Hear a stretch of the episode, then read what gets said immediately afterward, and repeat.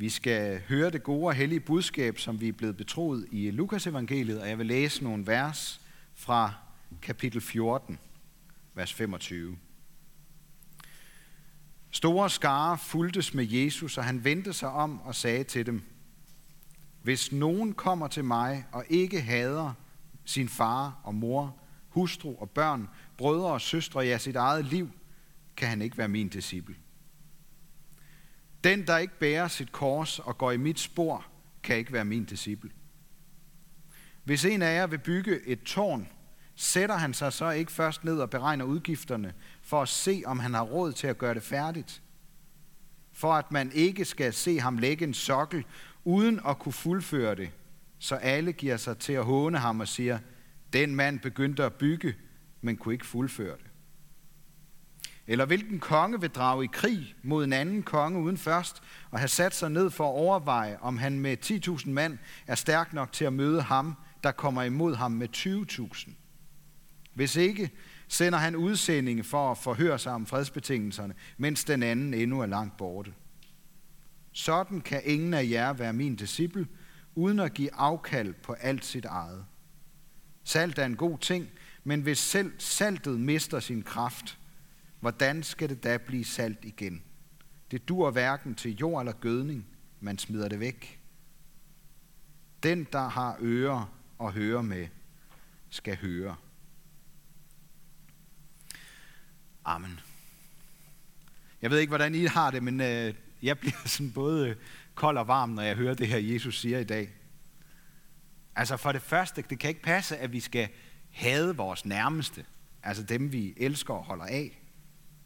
Er det ikke længere meningen, at vi skal elske vores næste og endda elske vores fjender? Eller hvad er det, Jesus mener? Umiddelbart så giver det ikke mening. Men som altid, så er det en god idé lige at høre efter og vente en ekstra gang, det som Jesus siger. Vi skal ikke begynde at bortforklare noget, bare fordi vi ikke forstår det. Men når det så er sagt, så tænker jeg også, at vi står med lidt et oversættelsesproblem her. Fordi ordet hader, sådan som vi forstår det, der giver det ikke særlig meget mening. Det kan også oversættes, hvis nogen kommer til mig og ikke sætter mig højere end min far og mor, hustru og børn, brødre og søstre, ja højere end sit eget liv, kan han ikke være min disciple.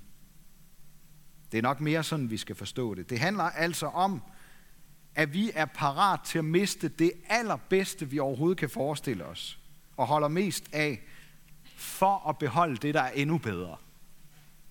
Forbindelsen til Jesus og fællesskabet med Gud.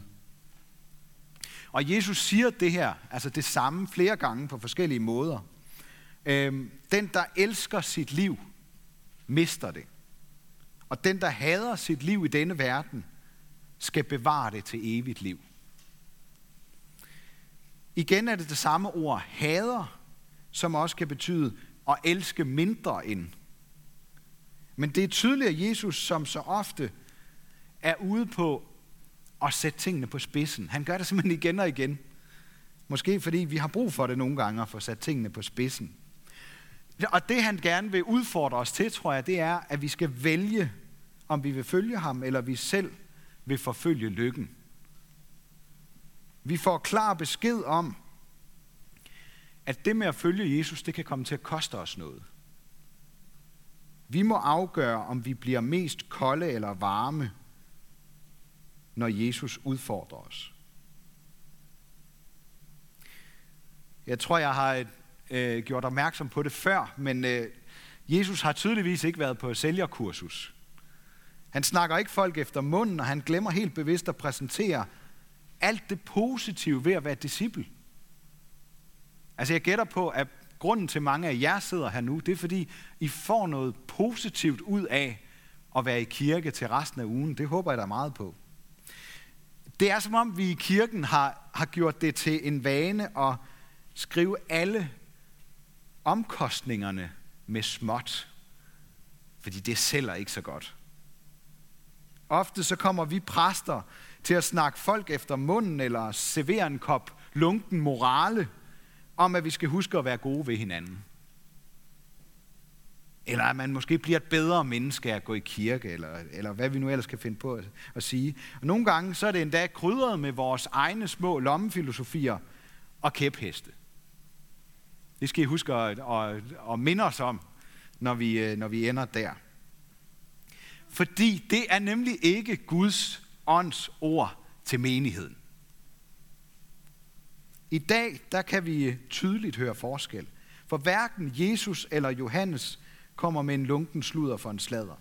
De advarer os mod det og siger begge to som med en mund, den, der har ører og høre med, skal høre, hvad Guds ånd har at sige. Og Guds lov har vi Jesus til at sætte tingene på plads, når vi ikke tør. Altså skal I høre godt efter, fordi der sagde jeg faktisk lidt noget vrøvl. Jeg snakker om Johannes. Det, er det ikke fra Lukas evangeliet, vi har hørt? Eller var det det, der stod forkert? Jeg mener altså, det er fra Lukas evangeliet. Så det vil sige, øh, det er Jesus og Lukas, jeg tænkte på. Det var meget illustrativt. I skal høre efter. Der kan hurtigt komme noget vrøvl. Øhm, Jesus han revser og tugter os med ord. Ikke som i gamle dage, hvor man slog børn eller underordnede. Det har Jesus aldrig gjort. Han har aldrig slået nogen. Sådan fysisk vold. Og det kommer der simpelthen ikke noget godt ud af at gøre. Det tror jeg ikke på. Jesus gør i stedet for det, han banker os på plads med kærlighedens tålmodighed. Han forklarer, hvad han mener. Og vi behøver ikke at gætte os til betydningen. Vi er simpelthen ude i nyttesløse spekulationer, hvis vi bryder vores hjerne med, om de svære livsvilkår, vi måske har, er et kors, vi skal bære af en eller anden uforklarlig grund. Når Jesus siger, at vi skal bære vores kors, så er det hver gang han taler om det, fuldstændig krystalklart og tydeligt, at det handler om noget, vi kan vælge at gøre, eller vi kan lade det stå. Vi kan lade det ligge. Det er vores valg, om vi vil tage det op eller ej. Og sådan er det jo ikke med vores livsvilkår. Det er noget, der bliver lagt ned over os. Det kan vi ikke selv vælge til og fra. Sygdom og ulykker. Når vi mister mennesker. Det, det kan vi ikke sige, jamen det vil jeg ikke. Jeg, jeg vil gerne have det på en anden måde, Gud. Det bliver sådan, som det nu er blevet. Og så kan vi skælde ud på Gud over, hvorfor det blev sådan. Så det med at tage sit kors op, og jeg er godt klar over, at det er blevet misforstået i hele kirkens historie næsten. Der er, der er mange, der er kommet med forklaringer på det. Men det med at tage kors, sit kors op og følge Jesus, det er noget, vi kan vælge at gøre, eller vi kan lade være med det. Sådan har det altid været. Jeg ved ikke, om I kender det der med at sidde foran computeren, mens den pludselig skriver, at den bliver nødt til at lukke ned på grund af en alvorlig fejl. Og så sidder man bare der og venter til, at den forhåbentlig dukker op igen, og øh, man kan fortsætte. Det var lidt den besked, menigheden i Laudikea de fik. Der blev lukket ned på grund af en dybt alvorlig fejl. Alt var i den skønneste orden, så det ud til. Det var en rig og velfungerende menighed, men de var blevet lunkne. Havde de bare været kolde, skriver Johannes. Havde, det havde været bedre, hvis alle kunne se, at noget var helt galt. At de ikke længere troede på en personlig Gud, eller fornægtede, at Jesus var den eneste vej til Gud. Men alt gik fint. De manglede bare troens varme. De var hverken kolde eller varme.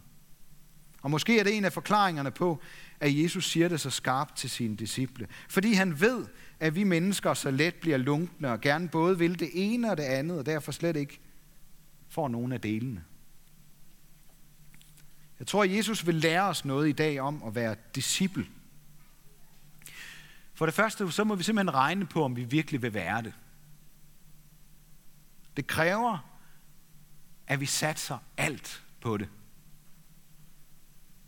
Som disciple eller lærling er der en periode, hvor man lytter, lærer og er nysgerrig efter at vide mere. Men når lærlingetiden er ved at være slut, som den var det for disciplen, så må man vælge at satse på det, man har lært. Man må gøre sig det klart, at Jesus har ret lige meget, hvad vi selv synes. Eller hvad vores nærmeste siger. Ellers er man ikke hans disciple. Kan godt være, at man har svært ved at forstå, at han skulle have ret altid. Det kan godt være, at man har brug for at, at brokke sig over, at han siger sådan og viser os den og den vej. Men som disciple af ham, er vi nødt til at give ham ret. I middelalderromanen Uendelig Verden, der er der en øh, bygmester, der skal lave en ny bro over floden. Den gamle, den styrtede sammen, fordi den blev undergravet af vandet i floden. Og der var ingen på den tid, øh, det er sådan en roman for mange år siden, øh, der vidste, hvordan man skulle undgå, at det samme kom til at ske med den nye bro. Det var kun bygmesteren, der kendte løsningen. Så rundt om bropillerne, så skulle der lægges sten, der kunne bryde vandets fart og lede det udenom. Så ville den holde. Det var bare sådan, at de fleste, de gad ikke at høre på ham. Det var også meget mere besværligt at gøre det på den måde, og sikre fundamenten, fundamentet. Og mange de modarbejdede ham, fordi han var en, der gik sine egne veje og ikke snakkede folk efter munden. Han var sådan en, som gjorde det hele lidt mere besværligt og alvorligt og omstændeligt. Men han havde ret. På samme måde som Jesus har ret. Alt kan se fuldstændig fint ud på overfladen. Men lige så langsomt, så undergraves vores livsprojekt, vores bro, og styrter sammen en, en dag, hvis vi ikke lytter til det, bygmesteren, til det Jesus har at sige. Vi må få tillid til, vi, vi kan have tillid til, at det i sidste ende betaler sig at leve efter hans ord. Selvom det nogle gange virker tåbeligt og besværligt. Det er altså os, der er en tåbelig bygmester eller en dumdristig konge, hvis vi kaster os ud i noget, vi ikke vil gennemføre hele hjertet. Det er sådan, Jesus forklarer det i dag. Han spørger ikke efter vores interesse eller sympati. Han har heller ikke brug for ambassadører, fortalere og sælgere, men disciple, der følger ham lige meget, hvad det koster. Han spørger ikke efter viljestyrke, karakter og udholdenhed. Han spørger ganske enkelt, om vi er parat til at miste alt, afstå fra alt og efterlade alt. Han beder os ikke om at ofre os heroisk eller åndeliggøre alt det svære, vi møder i livet. Han kalder os til at overlade alt til Gud, os selv og alt, hvad vi har. Og det betyder, at vi giver afkald på at bestemme selv. Behold noget for os selv og egoistisk realisere os selv. Og der rammer vi altså noget, som går imod et eller andet i os alle sammen. For det vil vi ikke. Det vil vi simpelthen ikke. Vi udfordres til at erkende, at alt er Guds, og lade ham bestemme over det.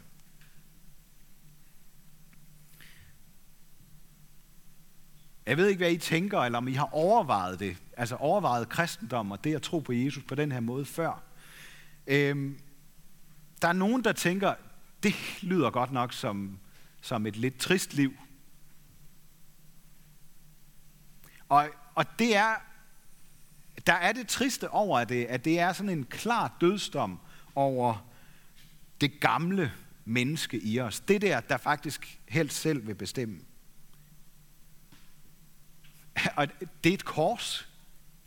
Det er simpelthen et kors, det der med at skulle opgive og bestemme selv. Og lade Jesus bestemme. Og følge Jesus, det er for det gamle menneske en vandring med et kors på skuldrene.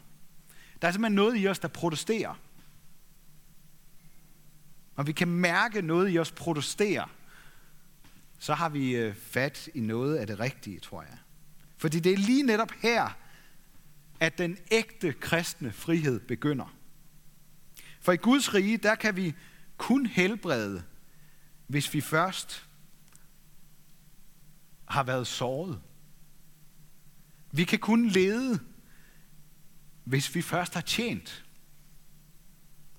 Og vi kan kun lære fra os, hvis vi selv er disciple. Vi må dø, før vi kan modtage opstandelsens kraft. Det er altså noget af et, af et kors for os, det her. Når det selvoptaget og destruktive i os dør, så bliver vi sat fri til at brænde for det, som Jesus vil skabe i vores og andres liv. Så bliver der plads til kærligheden. I ved, den uselviske kærlighed. Det tredje billede, Jesus bruger, det er saltet. Og det er et billede på den indstilling hos et menneske, der sætter Jesus højst. Den indstilling sætter smag på livet, kunne man sige. Gør det kraftfuldt og fremhæver det ægte. Og den indstilling får os til at leve livet, så det kan ses og mærkes.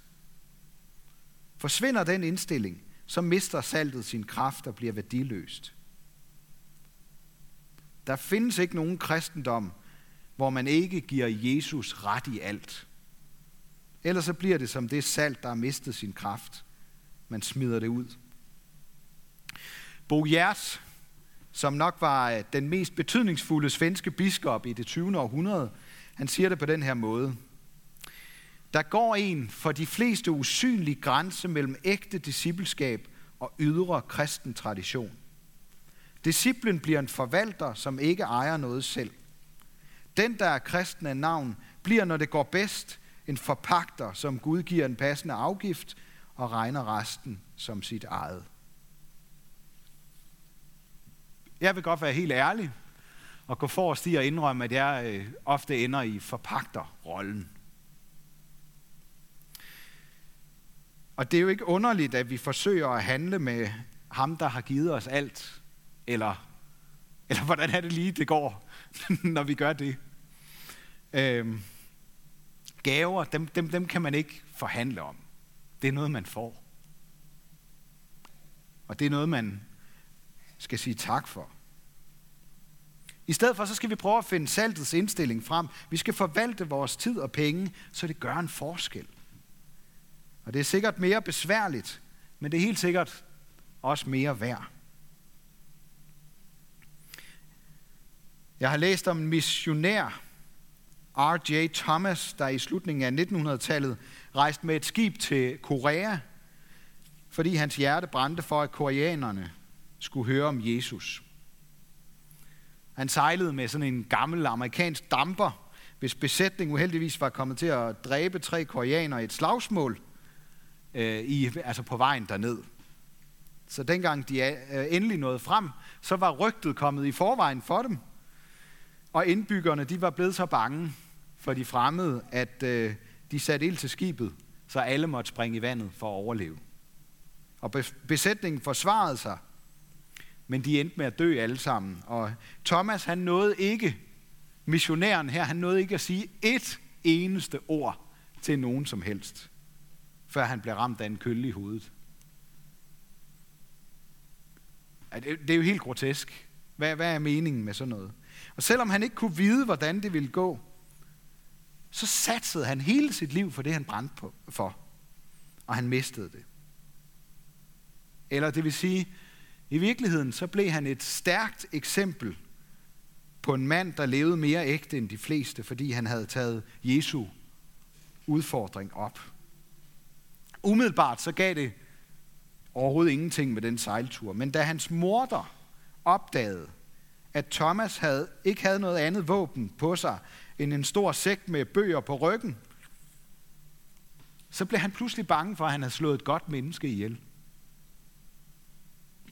Og øh, problemet var, at han havde alle de der bøger, men han kunne ikke selv læse, så han tog et par af de øh, kinesiske bibler med sig, og så rev han siderne ud, og så tørrede han dem, og brugte dem, sådan som det var almindeligt i Korea på den tid, til at øh, tapacere ydersiden på huset med.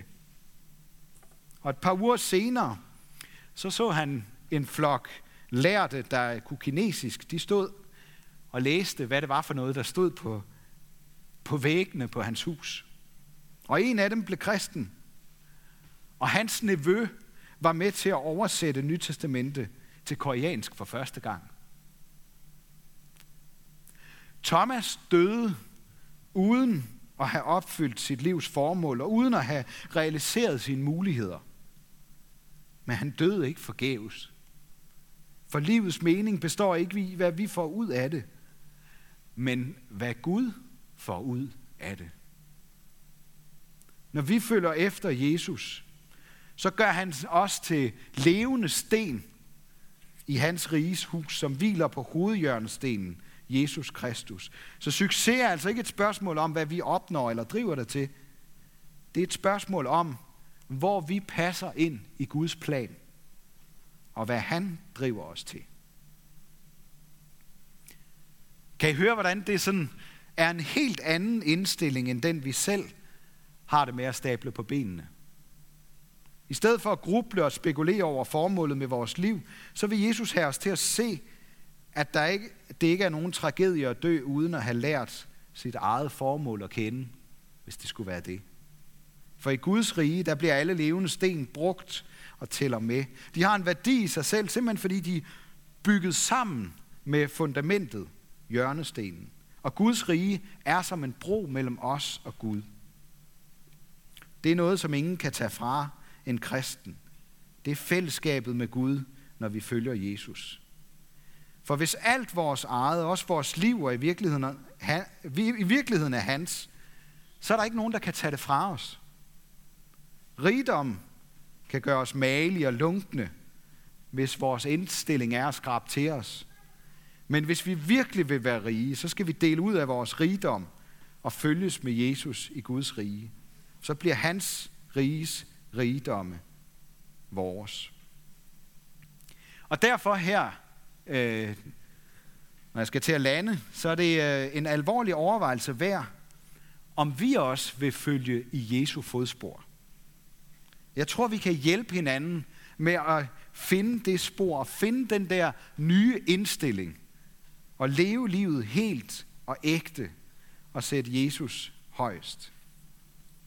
Og så her til allersidst har jeg lyst til lige at minde om, det kan være, at nogen af jer har hørt det, men øh, her for nylig var der en øh, katolsk præst i øh, Bergamo i Norditalien, som 72 år gammel blev smittet med corona. Og øh, på det tidspunkt var der ikke nogen fungerende respirator til ham.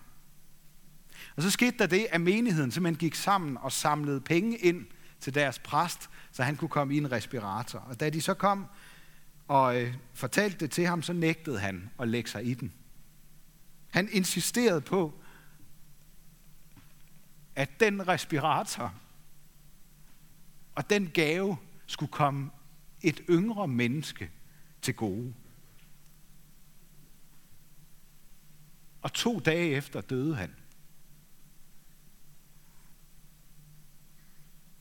Men hans handling levede videre i menigheden, og minder mennesker i hele verden om ham, der mistede sit liv, for at vi alle sammen kunne blive reddet. Det er virkelig svært at være ligeglad med, hvis vi har opdaget, at det ikke var en ung italiener, det her handler om, men det er os, der er dem, der helt ufortjent bliver reddet fra den evige død. Helligånden blæser sin livsånde i os, så vi bliver varme og troende, og ikke kan andet end at sige tak for livet, Jesus offrede og gav til os som en evig gave. Det er det mest fantastiske og vidunderlige ved at gå i Jesu fodspor og være hans disciple. Og vælge at tage korset op i kærlighed til ham og til dem, vi møder. Ære være Gud, vores far, der har skabt os i sit billede. Ære være Guds søn, der tog vores straf, så vi kan leve i frihed. Ære være Helligånden, ham der gør Guds kærlighed levende for os.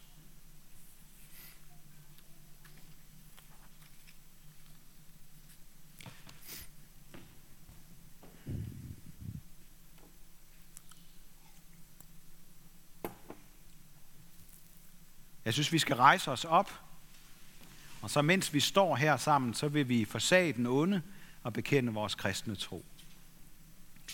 Vi forsager djævlen og alle hans gerninger og alt hans væsen. Vi tror på Gud Fader, den almægtige, himlens og jordens skaber. Vi tror på Jesus Kristus, hans enborne søn, vor Herre, som er undfanget ved Helligånden, født af Jomfru Maria, pint under Pontius Pilatus, korsfæstet, død og begravet, nedfaret til dødsriget, på tredje dag opstanden fra de døde, opfaret til himmels, siddende ved Gud Faders, den almægtiges højre hånd, hvorfra han skal komme at dømme levende og døde. Vi tror på Helligånden, den hellige almindelige kirke, de hellige samfund, søndernes forladelse, kødets opstandelse og det evige liv. Amen. Og så vil vi, mens vi står her, ønske for hinanden, at vor Herres Jesu Kristi nåde, Guds kærlighed og Helligåndens fællesskab må være med os alle. Amen.